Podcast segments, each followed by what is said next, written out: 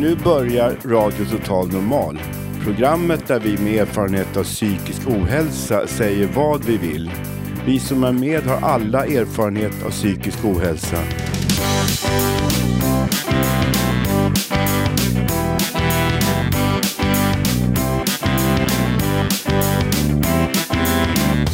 Du lyssnar på radio Total Normal. 101,1. Totalt normalt. Radio Total Normal, torsdagar från två till halv fyra. Vi livesänder med publik från Götgatan 38 i Stockholm. Kom hit och lyssna. Här är alla röster lika värda.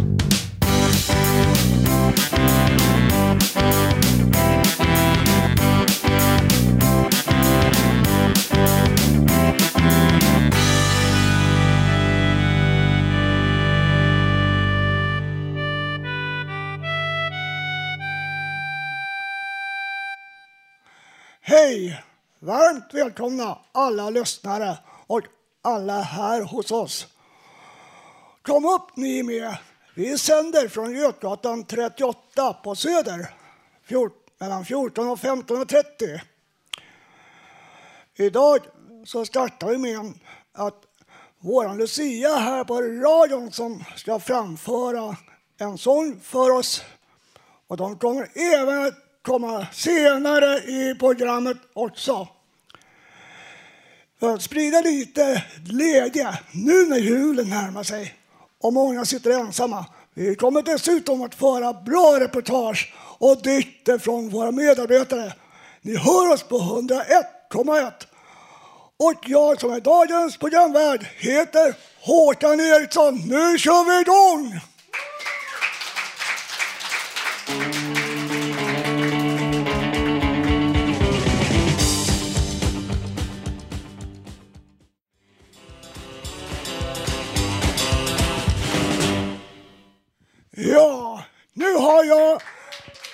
Musikgrupp här, Lucia-gruppen här och eh, på radion. Och jag tänkte ställa ett för, par frågor innan de kör sin första låt som kommer att fortsätta senare i programmet. Så jag har Hasse Klinte här som är ofta med eget inslag och spelar låtar, både kända och okända låtar, men mest är kända. Och jag tänkte fråga honom som är ledare där. Då. Hur kom idén att ni skulle starta er musikgrupp? Ja, det har ju varit eh, prat om att vi skulle bilda en kör här på Fountain House och så har det- det varit prat om att vi skulle bilda en musikgrupp också och eftersom det blev Lucia nu då så har vi övat in några julsånger i musikgruppen och sjöng också Lucia-sången och gjorde det i förrgår då när det var Lucia. Eh, hur är det att vara med i den gruppen? Hur många vi är? Hur många är ni i gruppen? Eh, Vi är, just nu är vi eh, fyra, men Anders ska vara med också, men han kunde inte idag. Ebba är med också. Ja, förlåt. Ja, Eh, vilka instrument är med i nuvarande gruppen? Git- Gitarr och fiol. Sång förstås. Det kan man ju säga att det är ett instrument också. Eh, har ni pratat om eh, det något instrument som ni saknar i gruppen? Ja, vi har ju bjällror också när vi sjunger So This Is Christmas, John Lennon-låten och bjällerklang. Det kommer senare, nästa, nästa torsdag. Eh, hur får de kontakt med er om andra vill vara med? Man kan skriva upp sig nere i receptionen på en lista vi har där. Och, och, och prata för sig förstås. Och sista frågan då. När övar ni? Både dag och tid. Och var övar ni då? Eh, Vi, vi övar på tisdagar klockan ett i det rummet vi samlas när när vi ska prata om radion. Och nu ska de framföra en låt för er här inne och alla lyssnarna. Och jag låter Hasse Tinto som är ansvarig gruppledare för gruppen att han presenterar låten. Varsågod! Vi ska börja med Nu tändas tusen juleljus.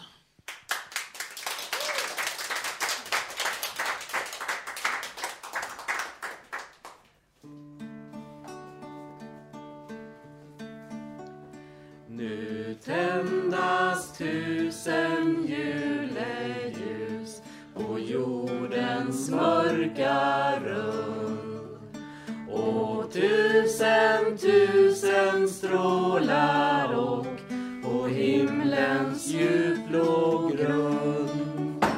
Och över stad och land ikväll går julens glada bud. Att född är Herren Jesus Krist, vår frälsare och Gud. Du skär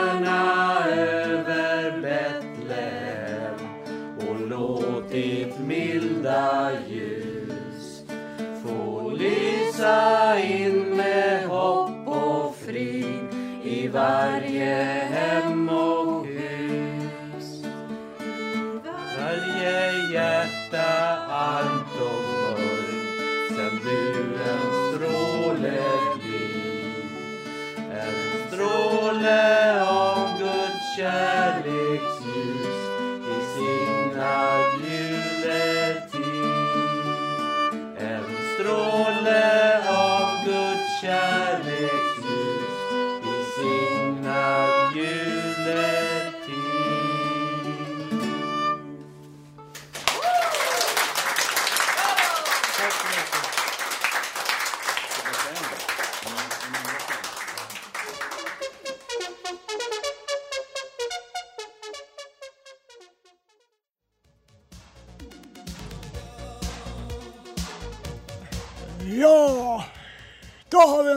vi kär gäst här i radion.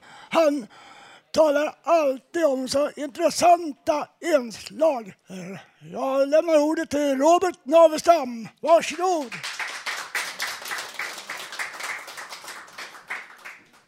Ja, hej. Det här är ett debattinslag som jag kallar Hur sköter vi våra liv? Vad säger du, min vän, om hur vi sköter vårt liv? Var slutar din rädsla, du svage? Du säger så glatt, du gör inte ditt bästa. Men du vet ju så väl själv att du gör ditt bästa. Ändå säger det syrligt, det gör du inte. Vi kan inte göra mer för att lindra din smärta, säger ni. Vi kan inte göra mycket mer, säger ni. Själv står du där med fakta. Ni säger så glatt och så ystert. Du kan göra mycket, mycket mer själv för att förändra ditt liv. Men själv kan du inte göra mycket mer för att hjälpa oss. Vad säger du, min vän, om hur vi sköter vårt liv? Var slutar rädslan? Ni säger så glatt. Ni gör inte ert bästa. Det säger ni, och visst, då blir jag rädd. Vad säger du, min vän, om rädslans stenar? Vi kan inte göra mer, säger du. Det kan inte räcka. Varje normal människa måste säga att man klart att man ska göra sitt bästa. Men varje normal och stark människa måste säga att det inte kan tillåtas att det kan vara så att man bara för att jävlas med oss säger att det, att det är så och så. Det kan naturligtvis inte tillåtas hur det än går. Ändå måste man kunna säga att vi gör faktiskt kanske inte alltid vårt bästa. Men ändå kan det inte tillåtas att de driver med oss. Allt som kan hända oss händer inte andra. Allt kan inte tillåtas bara för att det må passera. För att ni själva inte förstår att vi faktiskt försöker så gott vi kan. Visst är detta även en sanning. Vad har du att säga min vän om hur vi sköter våra liv? Kan ni säga du är inte värd detta på grund av ditt eller datt? Men ändå är det just det ni säger. Ni säger det att vi inte duger, att vi inte förtjänar. Men vad kan man annars säga om ditt eller datt? Om era fisande uttalanden om att vi ska rycka oss i kragen. Vad säger du min vän? Vad dryftar ni era meningslösa, era meningsfränder rörande vår framtid? Vad säger ni i era slutna rum? Vad säger ni när ni vet att ingen lyssnar? Vad blir er slutledning? Vad bestämmer ni ska bli resultatet av ett äskande och dryftandes om ditt eller datt? Vad säger ni där i ert utna rum när ni vet att ingen lyssnar? Vad säger du min vän om rädslans stenar? Vad slutar din rädsla du svage? När det vätskan säger nu är jag stark. Vad säger ni när ingen lyssnar? Kan du bara säga att han eller hon inte är värd ditt eller datt? Kan ni säga du är inte värd det eller det? Ärligt du starke, vet du, det är en av de saker ni säger där i era slutna rum, där ni dryftar människors samtid, när ni vet att ingen lyssnar. Säger ni inte vad ni alltid sagt? Han eller hon är inte värd det eller det. Säger ni inte ofta att du inte är värd det eller det för att människan måste härdas? Men det, är det någonting som är svårt att härda så är det att härda människor. Vad säger ni, mina vänner, om hur vi sköter vårt liv? Vad slutar din rädsla, du svage? Vad säger ni? Vad dryftar ni om där i era slutna rum? När ni vet att ingen lyssnar. Inte vet väl ni vad, vad rädsla är? Säger ni det? Inte vet väl vi varför han eller hon skriker av rädsla? Är inte just det en av de saker ni säger? Inte förstår väl ni varför jag är så rädd? Tror ni att det smittar likt en pest? Tror ni att ni har rätt att säga att det är det är vad vi är värda? Tror ni att det smittar likt en pest? Vad säger du min vän om hur jag sköter mitt liv? Vad slutar min rädsla? Vad slutar din rädsla, du svaga? Fattar du inte att du gör fel när du inte försöker hjälpa den skrämda? När du inte försöker hela såret i själen? Fattar du inte att du verkligen är svag då du tror att hugga av den sjuka delen är att leka såret? Fattar du inte att du är verkligen själv svag när du säger att våld är en lösning? Man kan inte ta bort en del av det sociala arvet. Man kan inte ta bort en del av det som gör oss till människor. Det må vara svårt, det må vara hemskt. Men det är en del delar av det som gör oss att vi är människor, att folk kan vara olika. Folk som oss kan finnas. Folk som oss kan överleva till vuxen ålder som människor. Det är en av de saker jag har att säga om hur vi sköter vårt liv. Och eftersom vi överlever och är det vi är när vi lever så måste ni faktiskt, faktiskt säga att vi är värt annat än att bara få ta skit. Som eh, att man skulle hugga bort den sjuka delen. Ja, tack för mig.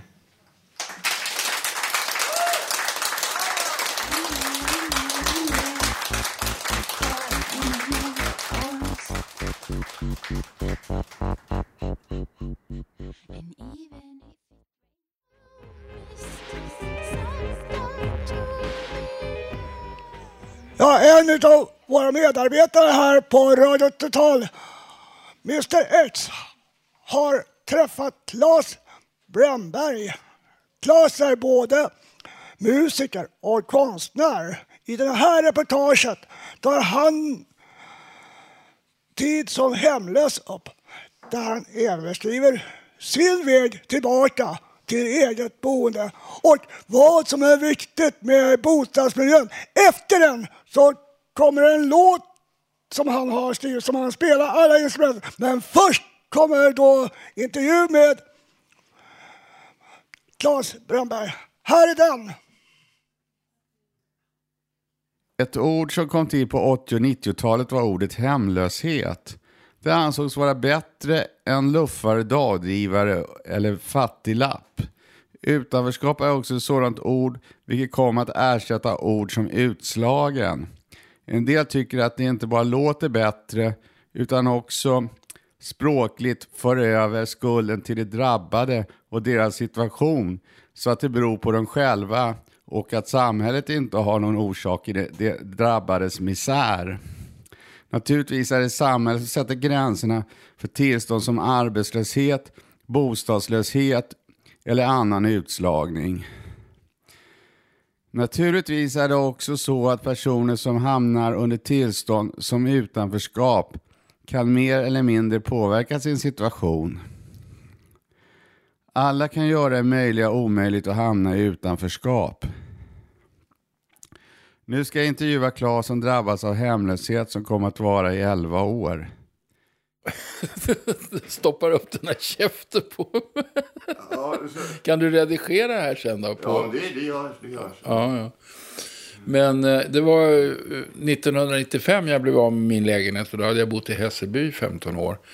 Och varför jag blev av med den, det var bland annat en hyra. Men det var inte bara det, utan det var att jag var ganska missnöjd med tillvaron som stort, kan man väl säga. Så jag var väl ganska, jag var ganska stökig tror jag som, som hyresgäst. Så att det fanns väl skäl till slut att de skulle vräka mig.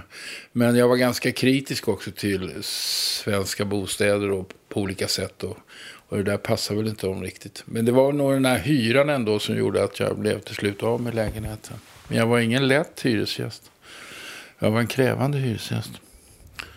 Ja, och vad var det som gjorde att det tog så lång tid innan du fick eget boende igen?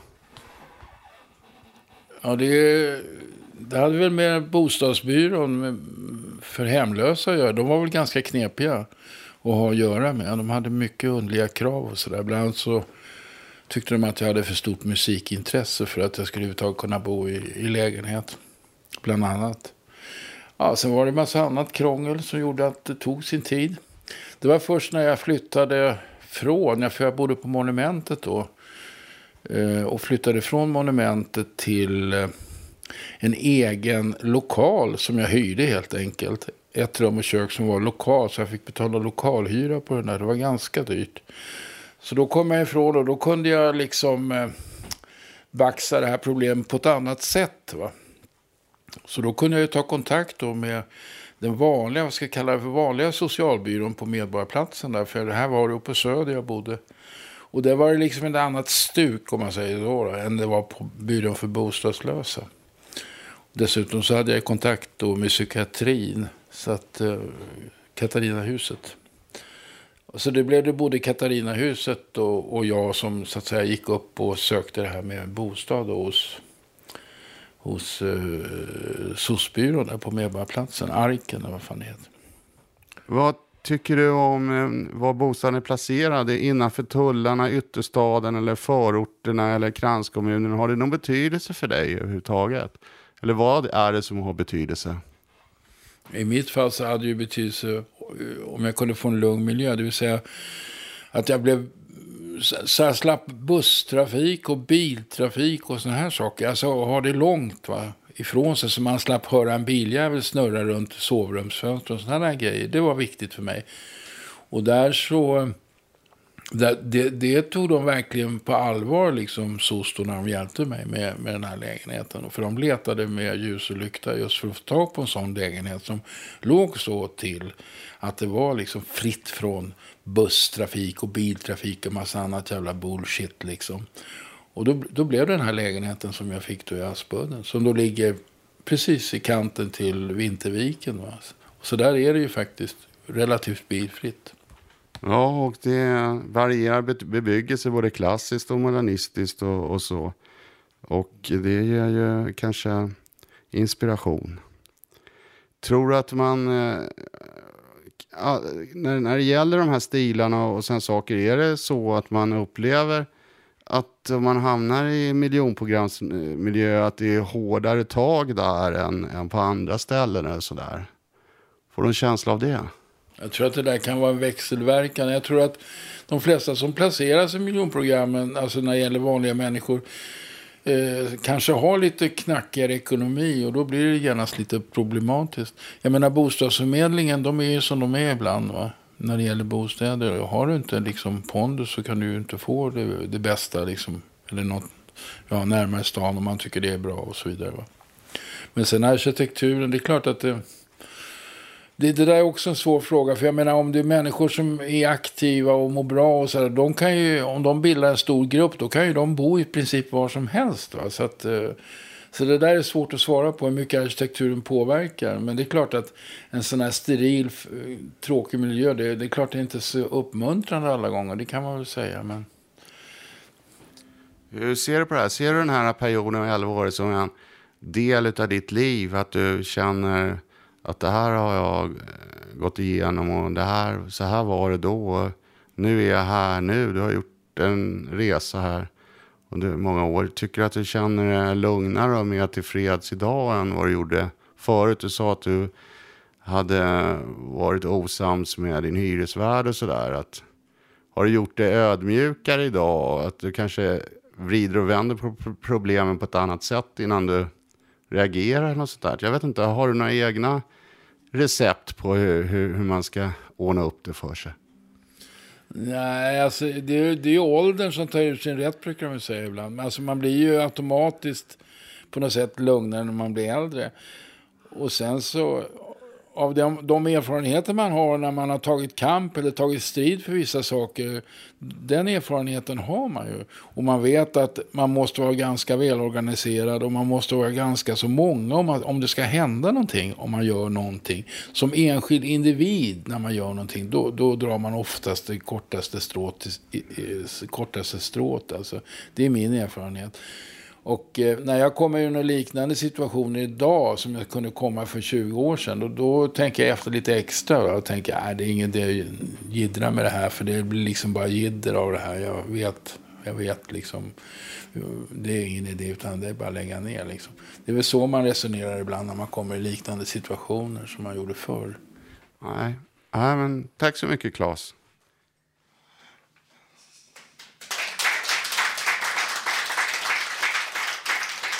Ja, efter det här en spännande intervju eh, så hoppas jag att han kanske kan ha gett tips till er andra som har något liknande. Nu ska vi få höra en låt. Och det ovanliga med den här låten som vi ska höra, där spelar Claes alla instrument, bland annat saxofon. Och han spelar även piano. Här är den. Varsågod! Ni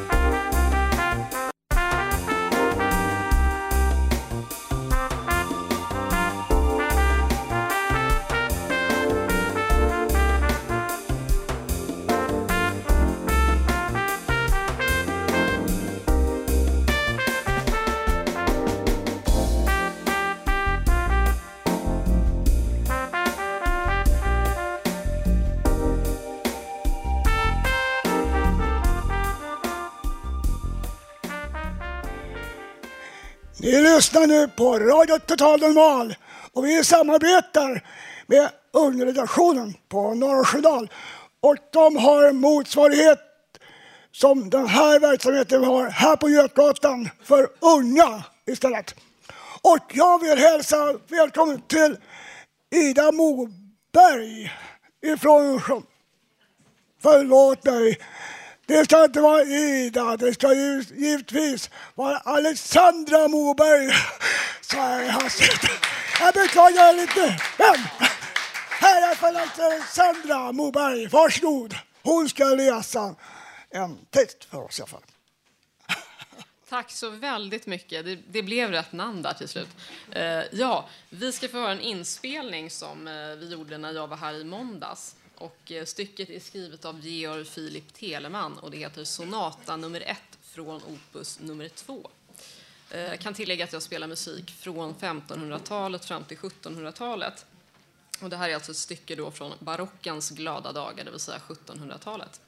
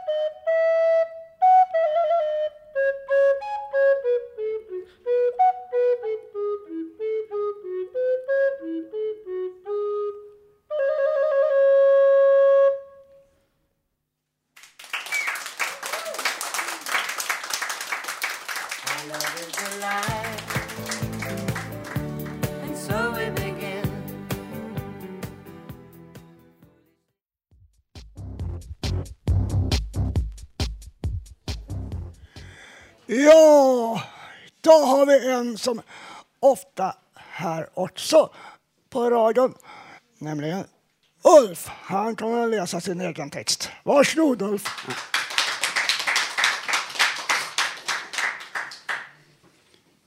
Igår torsdag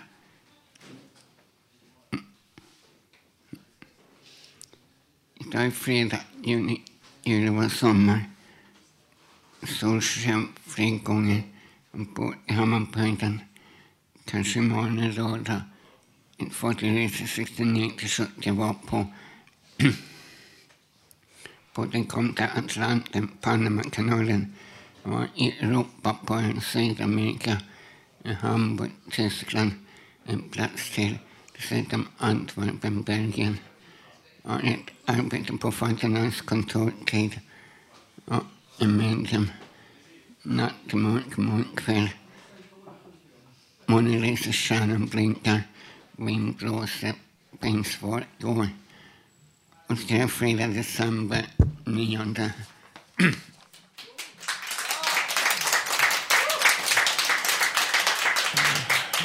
Så hälsar även ännu en från ungdomsredaktionen, Ida Moberg. Hon ska läsa en text för oss. Varsågod.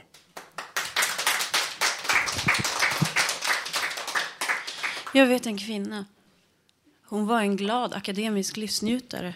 Hon jobbade som undersköterska och allt var frid och fröjd. Tills en dag då hennes egen mor ringde till socialen för hon var orolig. Deras relation var inte bra. Mor och dotter, temperament och prestige. Modern kände sig maktlös och gav sig åt myndigheterna. Hon kunde inte hjälpa henne själv. Dottern hade två barn, ett barn och ett spädbarn. Alldeles ensam var hon. Men hon var glad och frisk. Tills en dag då det knackade på dörren. Det var två poliser. Helt oannonserat kom de och tog spädbarnet ur hennes famn, mitt framför ögonen på det andra barnet. Panik, skrik och gråt, polisens våld. Tiden som följde var en tid av korta umgängen med bebisen som flyttades mellan olika fosterhem. Hon var vid varje tillfälle tvungen att lämna ifrån sig det när tiden var ute. Kvinnan blev sjuk. Hon orkade inte acceptera att hon var kasserad och utslagen som mor av socialen och samtidigt se sig, sitt barn bollas mellan olika hem. Chocktillståndet utmålade henne bara mer som en osäker människa. Angiven av sin egen mor dessutom. Det enda stöd hon hade. Långsamt men bestämt tog psykosen över. Sjukhusbesöken blev tätare och hon fick mediciner. Hon var nu som ren eter, ett frikopplat väsen. Ingenting hade hon fått av socialen, aldrig pengar heller. De var ändå medelklass. Hennes mamma hade nog trott att socialen skulle skicka en utredare, en avlösare eller en familjebehandlare. Kanske sätta henne i stödgrupp för ensamstående. Kanske rent av ge henne psykoanalys. Sånt måste det ju finnas, tycker man. Det gjorde inte det. Det, det. det bara tog barnet. Slutsats. Den som anmäler missförhållanden gör det ofta på grund av egna grubblerier över hur man ska hjälpa. Ju mer avlägsen anmälaren är, desto större är visionerna och de politiska välfärdsmodellerna och de egna vårdförslagen som ligger bakom och sporrar beslutet att slå upp numret till stadsdelsförvaltningens sociala enhet. Den tänker, vi lever i ett modernt samhälle med massor av utbildade psykologer och kuratorer och flexibla, stortänkande socionomer med humanistiska framtidsvisioner. Jag nominerar denna individ till ett statligt intervention. Samtidigt hör man socionomer säga vi har sett många relationer utveckla sig positivt. Vårt mål är alltid att sammanföra mor och barn. Hur kan deras mål alltid vara det om det först finns en vilja att separera dem? Det handlar om barnets bästa, så efter omhändertagandet läggs allt ljus på barnet. Om det på Migrationsverket äts tårta efter utvisningar, vad gör man inte då man fått ett litet barn till sig? Det arbetar under samma domstol och regler om mänskliga rättigheter. Mamman glöms således bort. Hon vart ju så arg och otrevlig. Men hon har ju ändå sin stora chans nu att skärpa till sig och överklaga. Men hon är för knäckt. Hon vet också att det är rätt att vara knäckt. Vem skulle inte det? Det förväntas av henne att hon är knäckt. Kommer någon som tror att hon är nöjd nu när hon sluppit sitt ödes arbetsbörda måste hon genast visa sin knäckthet genom att ge upp. Hon ger upp vid varje samtal, läcker ut sin undergivna ömhet till världen. Helt oskyddad tar hon den tyngsta kritiken av alla och krossas så av den. Hon har gett upp alla destruktiva mönster i sitt liv, för någon sa så. Istället låter hon hela världen långsamt strypa henne medan hon håller andan av all sin kraft. Hennes egen styrka har satts på prov och ensam där i mörkret förtär den henne. Ja, den förtär henne. Var finns handen från himlen som gör allt bra igen? Som när man var liten och mamma löste alla problem. Vem kan ge mig barnet tillbaka igen? Vem kan få mig att le så där ödmjukt, självsäkert så jag kan lyckas övertyga någon på SOS att ge mig tillbaka barnet? Var ska jag leta och vad ska jag finna när jag inte ens vet vart jag är på väg? På papper står bara att jag är dålig och dålig känner jag mig. Ingen finns kvar som känner mig och kan se det goda. Det goda har så lämnat mig.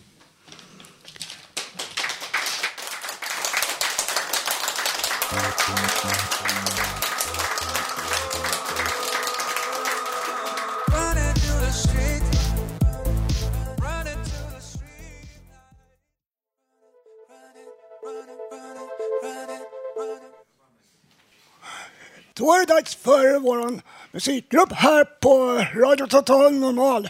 Och nu kommer de att framföra Stilla natt. Varsågod! Mm.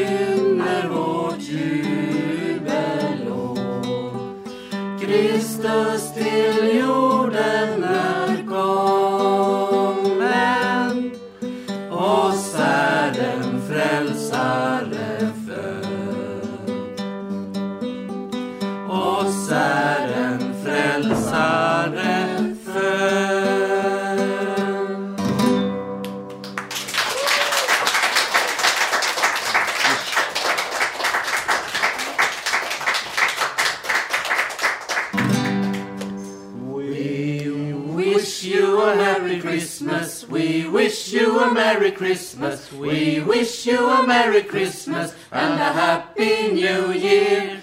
We wish you a Merry Christmas. We wish you a Merry Christmas. We wish you a Merry Christmas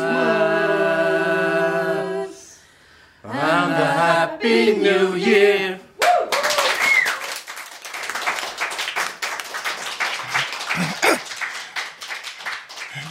Jag vill tacka er musikgruppen. Ni lyssnar fortfarande på Radio Total Normal. Det är mycket kvar i programmet. Nu så ska vi höra en dikt utav Karin Lundgren, en av våra medarbetare här. Den dikten heter Flykten ur regnskogen. Eh, dikten kom till på, att, på grund av att den hänsynslösa skövlingen som länge pågått av Borneos regnskogar i Brasilien. Här är den, varsågod. Som i en dröm. Jag såg en ung man fly ut ur en mörk skog. Runt hans fotleder små bjällror som kobran och geparden skydde. Han springer mot stadens brus utan annat än sin hörsel och sin instinkt som ledstjärna. Han springer för sin överlevnad ut ur älvadrottningens skog. Som i en dröm, han andas allt hastigare, som om hans ork snart ebbat ut, som om hans ande blev kvar där i skogens allra mörkaste, hemligaste vrår. Han springer mot stadens larm, han är på flykt undan en förtrollning som varat i tusentals år och som ännu inte någon överlevt. Som i en dröm, han vet inte om han kommer att hinna ut ur denna mörka täta regnskog. Och han hör hur hon andas bakom honom, hon, Elvadrottningen med sin svurna ed att hålla honom fången i evigheters evighet och aldrig ge honom friheten åter. Som i en dröm, jag såg honom fly för sitt liv med bjällrorna klingandes runt fotlederna. Han springer som ett jagat djur utan att tänka på varthän eller till vad. Hans längtan är sårad. Han vill tillbaka dit, till sin barndom, när han blott var en liten pojke i sin mors armar. En tid då allting var enkelt och allting var gott. Som i en dröm, han flyr österut mot soluppgången som han famlar efter i fjärran. Och om han kunde skulle han gripa tag i en solstråle och låta dess ljus leda honom ut ur denna mörka mardröms vilda flykt. Han springer sitt öde till mötes på det att elvadrottningen inte åter ska förstena honom till avgud. Som i en dröm, drömmen är han och den vilda flykten är han. Och inunder hans hud brinner ännu hoppet om en annorlunda tid där hatets stjärnögda drottning inte längre styr regnskogens öde. I hans drömmar finns kärleken levande ännu innan trolldomen åter binder honom till sig som en helig trofé gripen strax innan midnatt mitt i en evig flykt. Som i en dröm, den unge mannen flyr från sin egen undergång. Han är hungrig och trött och ensam i sin flykt men vågar inte vila Bakom honom den kalla vinden av ett ondskefullt väsen som kräver hans nederlag. Men bland de gresa regnskogslöven viskar hans gudar att ännu finns det hopp om framtiden. Som i en dröm som fixerat hans blick tar han ytterligare steg framåt. Han känner plötsligt kraften återkomma och han vet att han ska hinna, att han kan hinna rädda sig undan förbannelsens urkraft. Bara han består detta eldprov. Han känner älvadrottningens hesa röst kalla på honom, men han vet att om han inte hinner ska någon annan hinna fram till framtiden, till friheten. Som i en dröm som maran rider flyr livet ur dessa mörka regnskogar där regnet faller och droppar gränser på blad och kobrans giftiga tand sprider skräck bland överlevarna.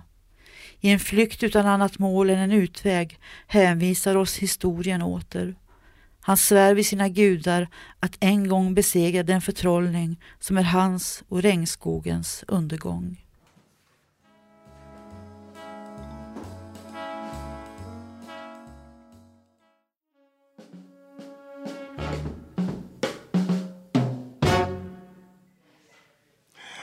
Ja, nu ska vi få höra ännu en julsång. Eh, men denna gång av Kristin Biverfors. Här kommer hon.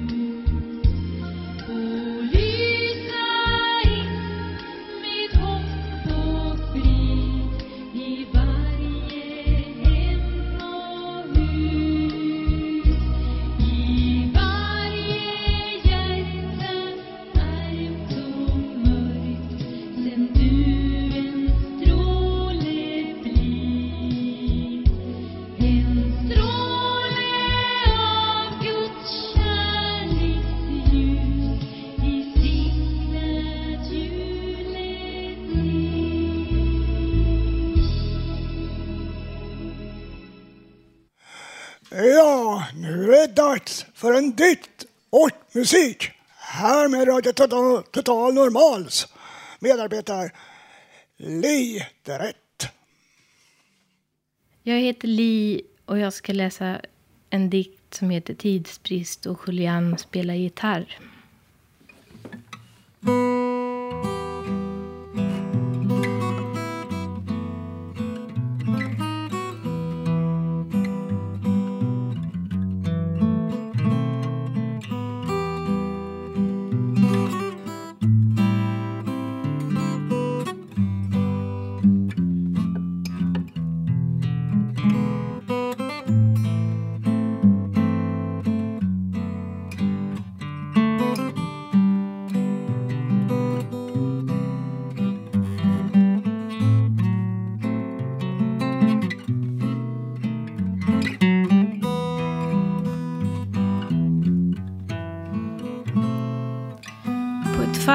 Fundament där livets promenadstråk är en vacker boulevard som ett evigt pussel av synapser.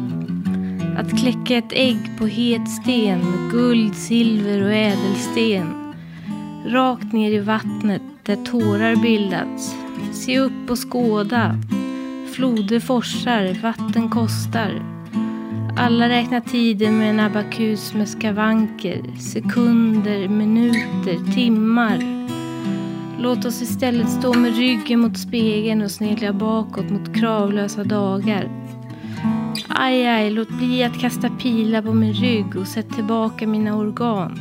De är ämnade till en annan.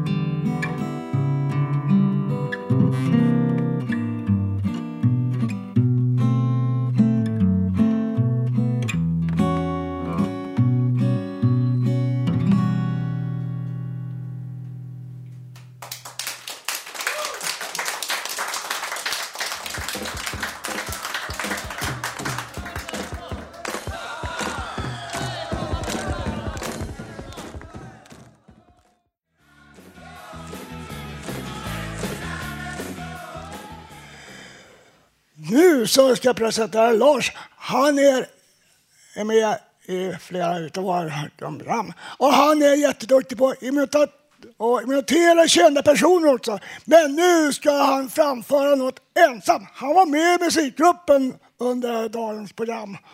Varsågod Lars. Mm.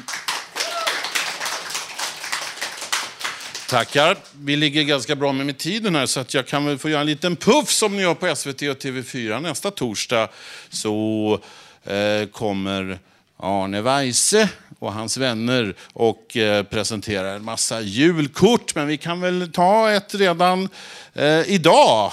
Eh, då tar vi någon hårt i handen som Bengt Feldreich säger och så landar vi i Göteborg hos eh, Sven Volter som ska presentera en saga. Tackar, tackar. Eh, det var en gång eh, ett skrothandlarpar som hette Albert och Herbert. De bodde i Haga, Skolgatan 15 i Göteborg. En dag hade Herbert varit ute med hästen och arbetat och så kommer han hem och då står Albert på trappan och undrar eh, vad han eh, har sysslat med under dagen. Herbert håller på att lasta av. Vad är det för bröte du kommer hemdragandes med idag nu då? Gissa farsan. Jo, det ser ända ut som värmerör. Helt rätt farsan, det är värmerör. Du ska få centralvärme. Ska jag få centralvärme? Oh, det var på tiden. Oh, det ska bli roligt att få centralvärme. Och du ska få i sovrummet i sängen farsan. Varmt och gött här mellan benen ska du få. Så det blir, du sover riktigt skönt. Oh, det var trevligt att få lite värme i sängen. Jag har haft så kallt i sängen på sistone så att jag har fått rimfrost i mustaschen. Ett julkort från Göteborg.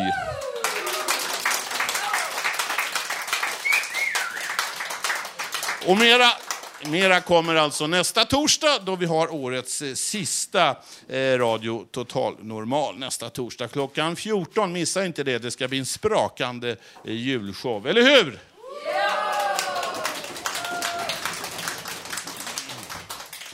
Men för att få eh, alla i rätt julstämning ska jag sjunga en liten julsång. Originalet, eh, den här texten skrev eh, Povel Ramel en gång i världen. Han sjöng om Carl Nilsson. Jag har totat och ändrat lite i raderna så att det blir som en julvisa. Jag tror Povel tyck, skulle nog tycka om den här när han lyssnar på den här nu i sin himmel. Är det någon som vill ha pepparkakor? Ja, tack.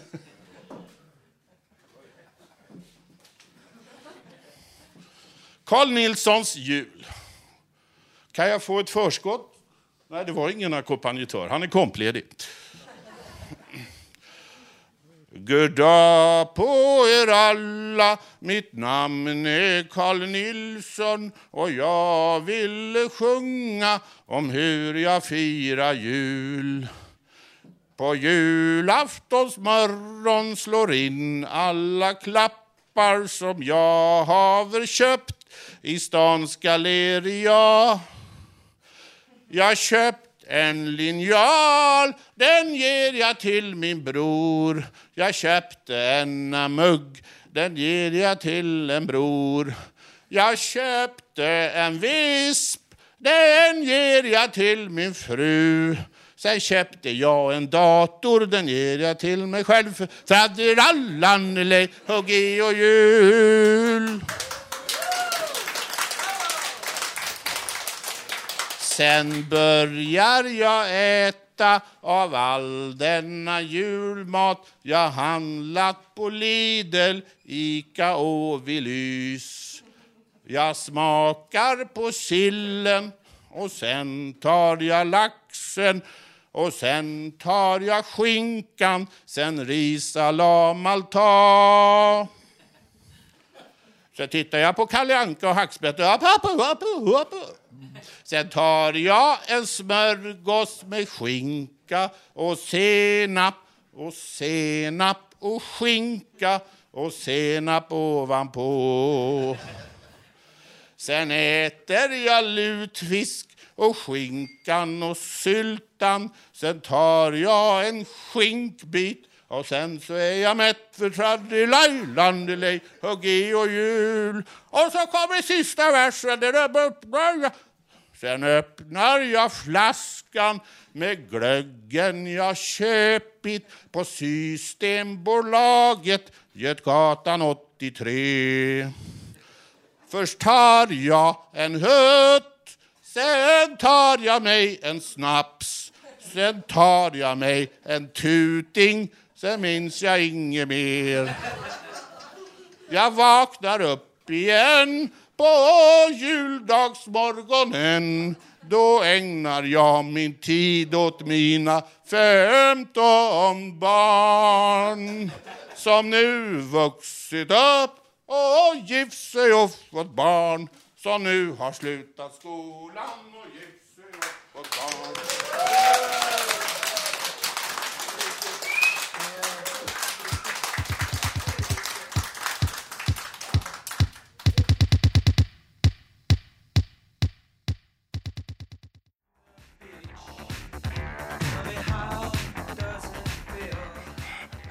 Ja, vi börjar närma oss slutet, men ännu har vi inslag kvar. Nu lämnar jag ordet till Ebba. Hon har visst någonting som hon vill berätta. Varsågod. Ja, hej allihopa. Hörs det här?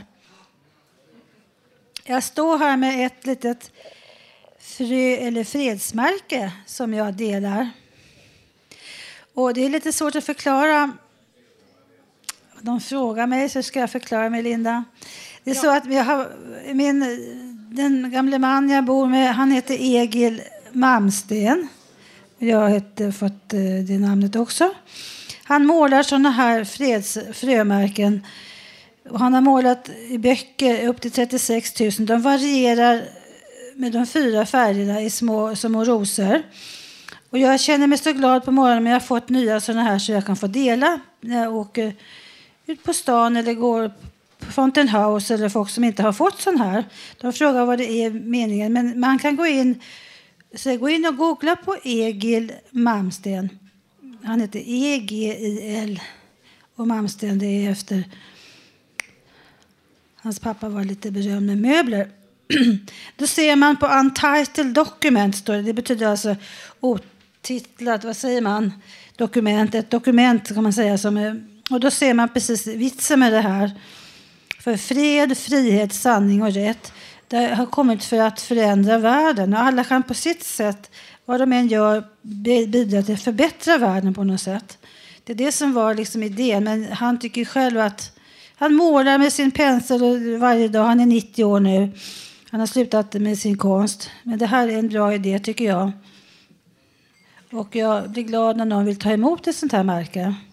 Och gå hem och sprida lite glädje och eh, bidra med, vad, med konst, eh, vad som helst. Ja, tack för mig.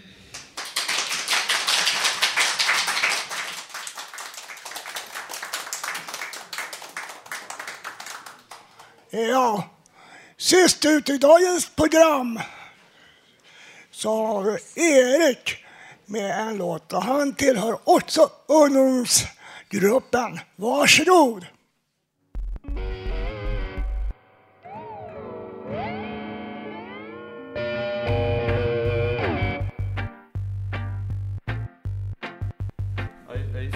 Vänta.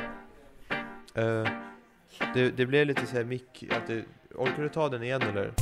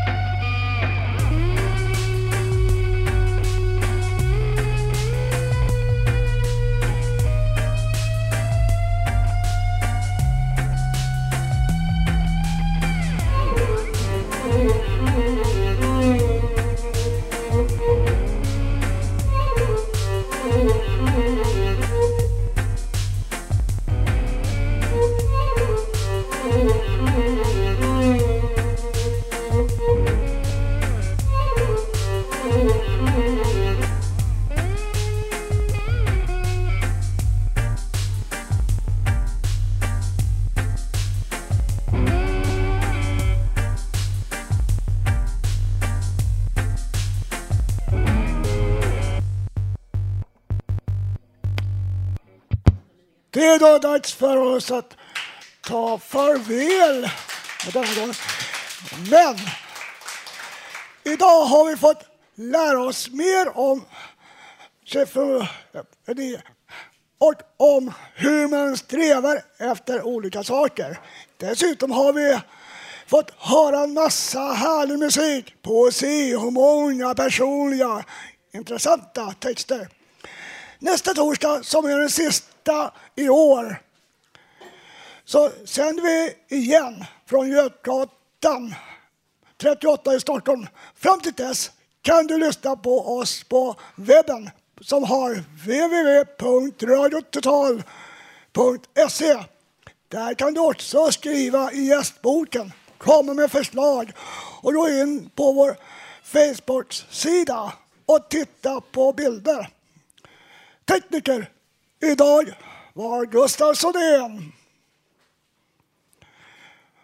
Producent Melinda Vrede. Producent för ungdomsredaktionen Emma Lundenmark. Och projektledare var Bodil Lundmark. De som har valt musiken idag heter Alvar och Ida. Och jag kom på en, en kort barnhistoria. Ja, det är en arbetsgivare som frågar en anställd så här, och varför var inte du här igår? Och ja, men det stod ju i almanackan Frida.